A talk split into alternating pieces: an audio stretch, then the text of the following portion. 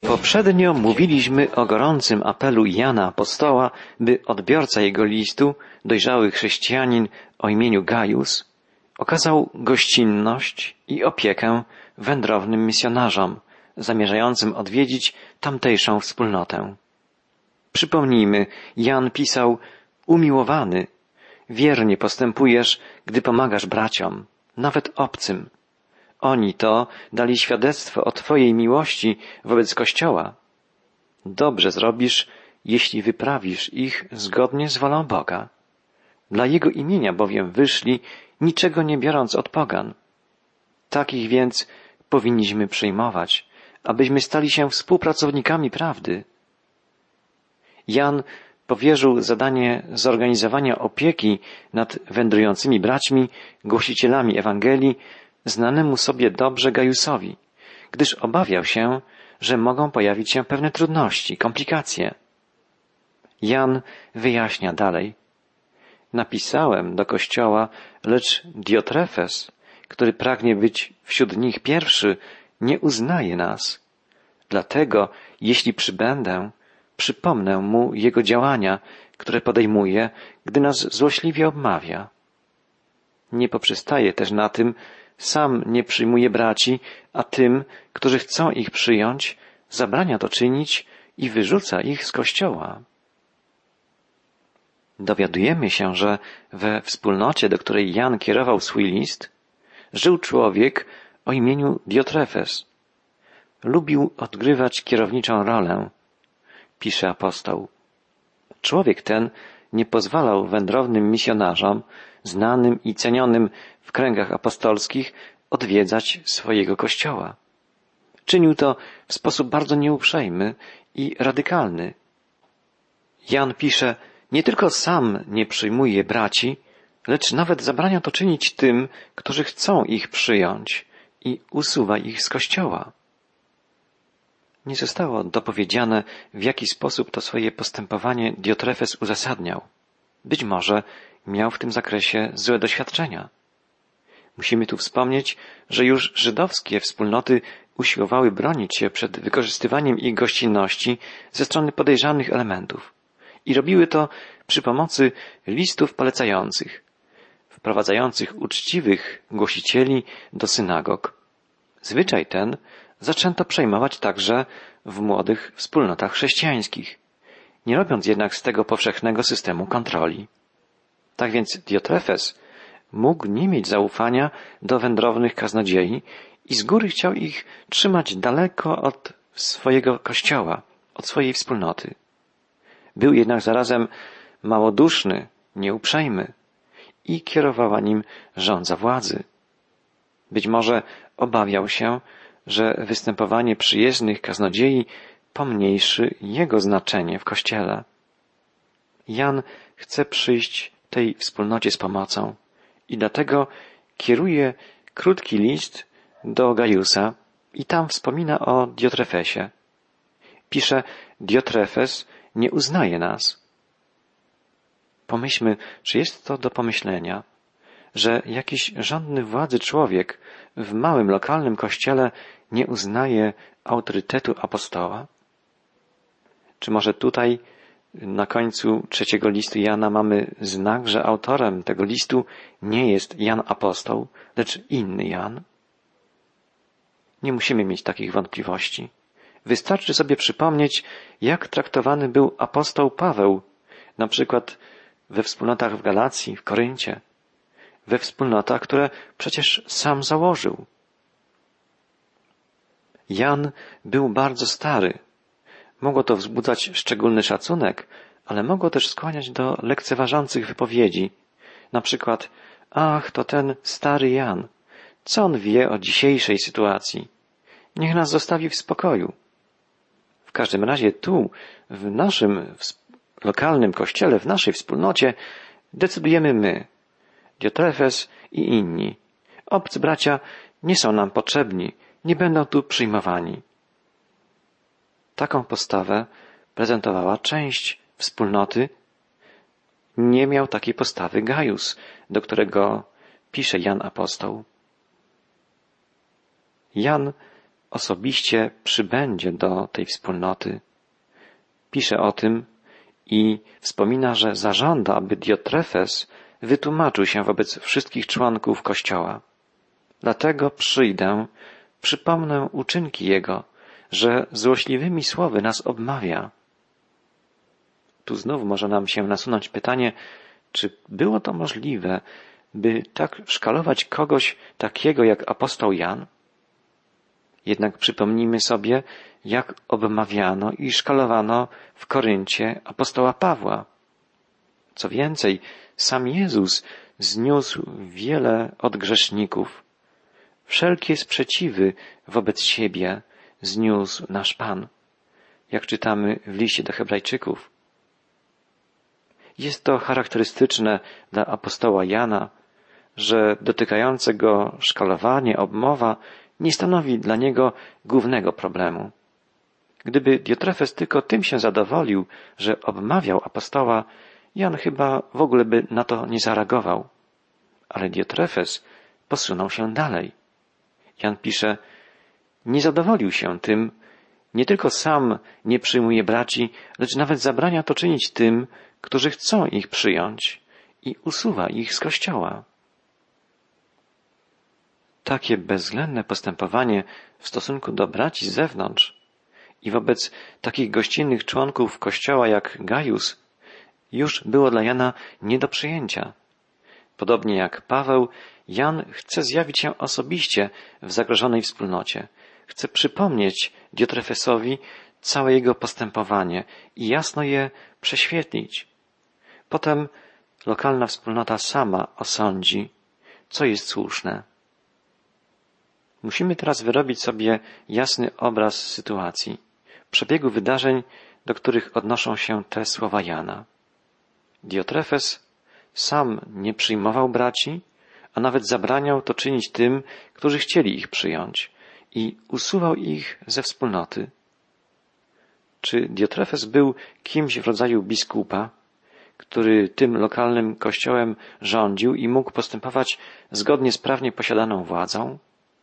Czy usuwanie ze wspólnoty było tym samym co wyłączanie, o którym w młodym chrześcijaństwie czytamy nieraz, a które przejęło od gminy żydowskiej? Czy Diotrefes zarządza je sam na mocy biskupiej władzy? Tak mogłoby się z początku wydawać. Jednak taki pogląd na wydarzenia od razu wyda się wątpliwy, jeżeli zastanowimy się, że przecież Gajus w tym kościele nadal spokojnie podejmował braci, a Jan wezwał go w swym liście, by ich szczodrze zaopatrzył na dalszą podróż. Diotrefes więc najprawdopodobniej nie piastował w lokalnym kościele żadnego stanowiska, które uprawniałoby go do wydawania zarządzeń. List Jana nic o tym nie wspomina. Jan zwraca się w nim do całej wspólnoty. Byłoby to zupełnie niemożliwe, gdyby w tej wspólnocie już był ustanowiony biskup w późniejszym kościelnym zrozumieniu. Diotrefes był po prostu zwykłym członkiem wspólnoty i właśnie dlatego, że nie zajmował żadnego stanowiska i że nie miał związanej z tym stanowiskiem władzy, chciał odgrywać w niej kierowniczą rolę.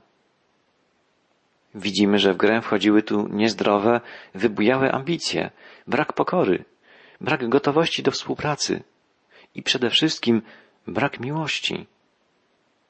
Mamy tu bardzo żywy obraz funkcjonowania wczesnego Kościoła.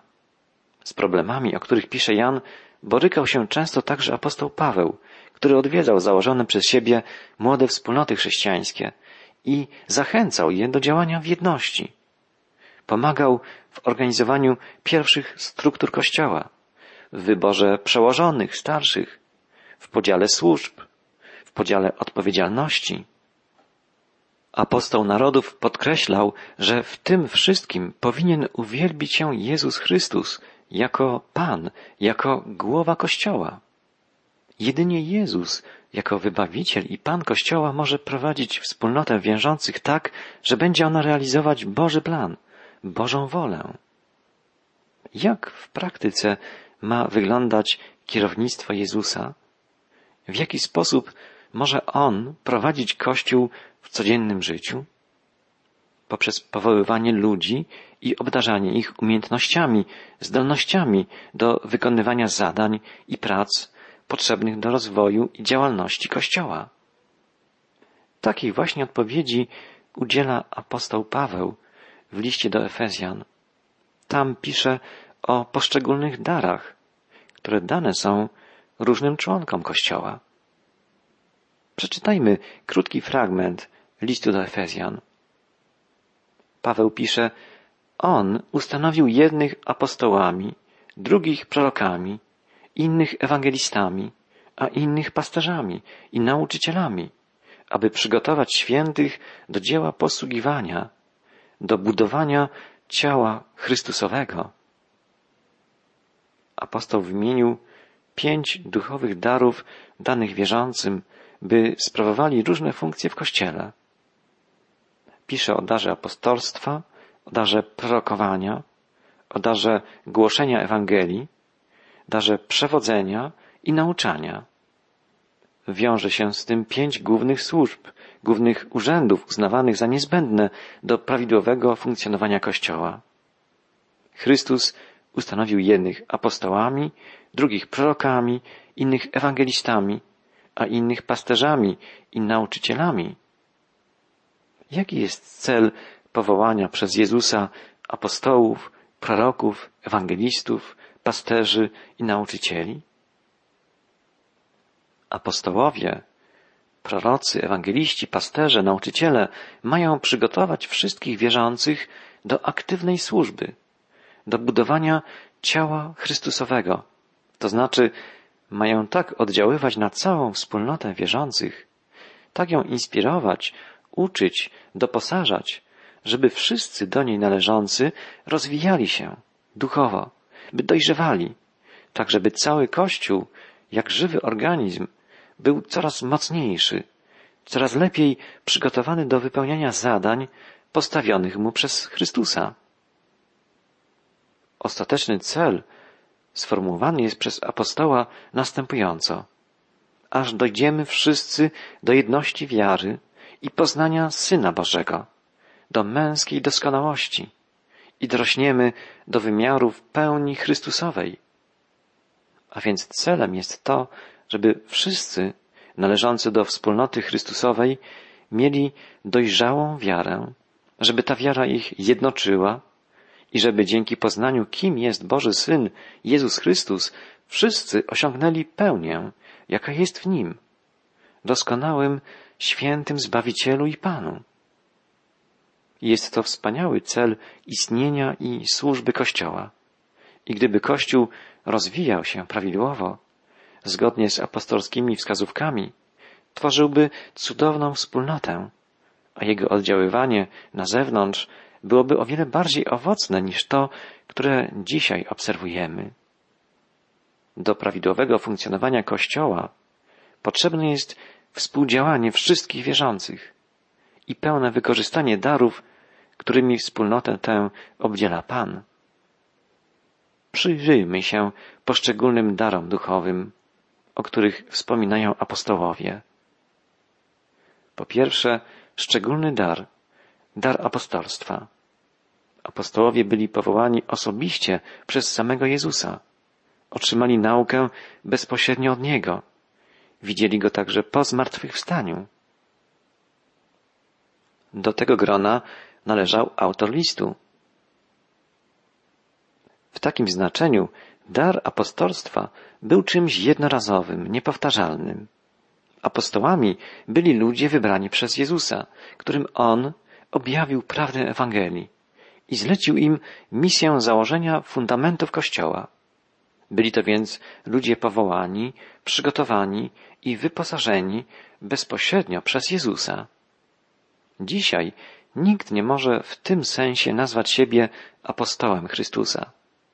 Natomiast w znaczeniu przenośnym, gdy weźmiemy pod uwagę fakt, że słowo apostoł oznacza kogoś posłanego, kogoś będącego przedstawicielem, ambasadorem, możemy powiedzieć, że każdy wierzący człowiek jest wezwany, by być przedstawicielem Jezusa. W tym sensie każdy chrześcijanin, który zna Jezusa, który doświadczył Jego przemieniającej mocy, jest powołany do tego, by być apostołem Chrystusa, by być Jego przedstawicielem, Jego ambasadorem.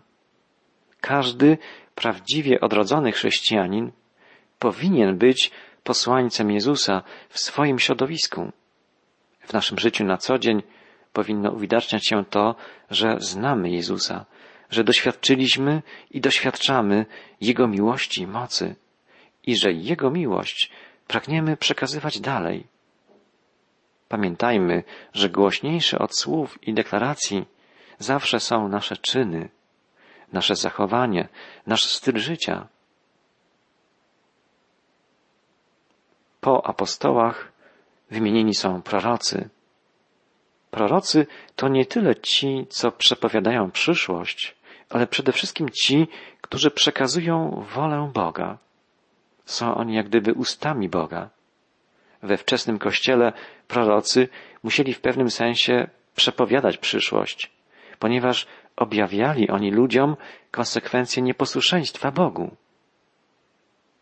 Prorocy ostrzegali, co wydarzy się, gdy ludzie nie przyjmą poselstwa o zbawieniu w Jezusie Chrystusie. Księga Dziejów Apostolskich opowiada, w jaki sposób służba apostołów i proroków wczesnego Kościoła doprowadziła do rozprzestrzenienia Ewangelii na całe Imperium Rzymskie. Dzisiaj prorokowanie rozumiemy przede wszystkim jako przekazywanie woli Boga, jako zwiastowanie Słowa Bożego w mocy Ducha Świętego. Są chrześcijanie, którzy są jak gdyby sumieniem Kościoła, którzy w szczególny sposób odczuwają i odczytują Bożą wolę i przemawiają w imieniu Pana. Spełniają dzisiaj rolę ust Boga, wzywając nas wszystkich do nasłuchiwania Jego głosu, do okazania posłuszeństwa Jego słowu. Trzecim rodzajem działalności uznawanej od początku w całym Kościele chrześcijańskim była działalność ewangelistów. Oni również, jak apostołowie i prorocy, nie byli związani z jedną wspólnotą chrześcijańską, ale wędrowali po obszarze całego Kościoła. Apostołowie byli także ewangelistami. Jan, pisząc listy, szerzył Ewangelię. Doskonałym przykładem ewangelisty był apostoł narodów, Paweł. Niósł on Ewangelię tam, gdzie nikt jeszcze jej nie zwiastował. Docierał do ludzi, którzy nie znali nowiny o Chrystusie. Gdy w danym miejscu nawracała się grupa ludzi, apostoł poruczał ich opiece kogoś ze swoich współpracowników, a potem, w czasie następnych podróży, odwiedzał ich i zachęcał do trwania w Chrystusie i do rozgłaszania Jego Ewangelii innym. Dzisiaj ewangeliści prowadzą w zasadzie podobną działalność.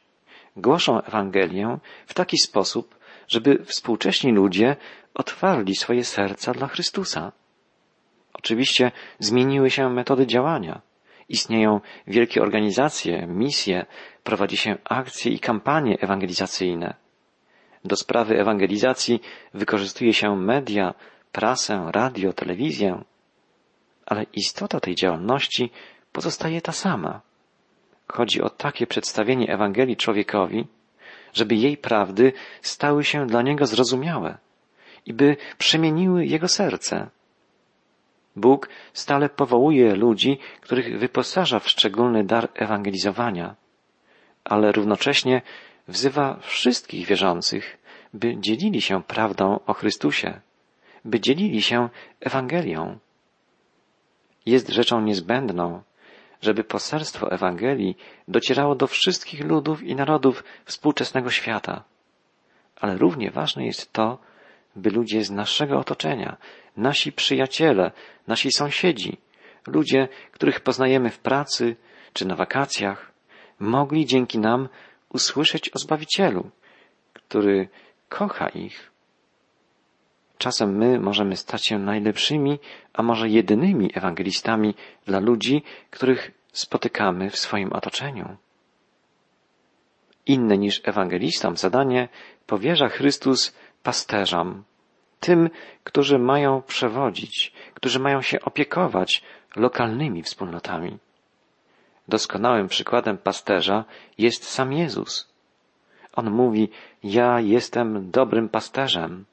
Moje owce znają mój głos i idą za mną. Pasterz Bożego stada nosi lud Boży w swoim sercu, karmi go prawdą, szuka tych, którzy zboczyli z drogi i chroni przed wszystkim, co mogłoby zachwiać ich wiarę.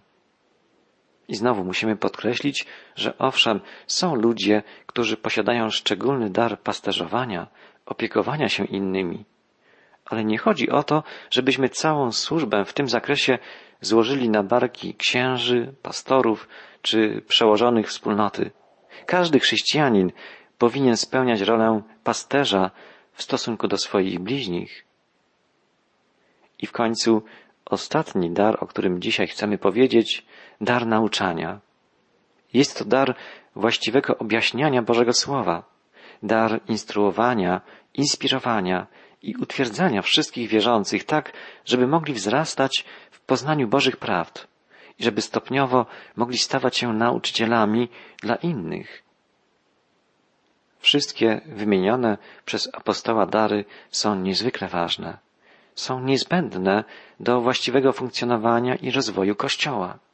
Każdy wierzący człowiek powinien mieć świadomość, że Chrystus pragnie, by jego Kościół był żywym organizmem, organizmem rozwijającym się, stale wzrastającym.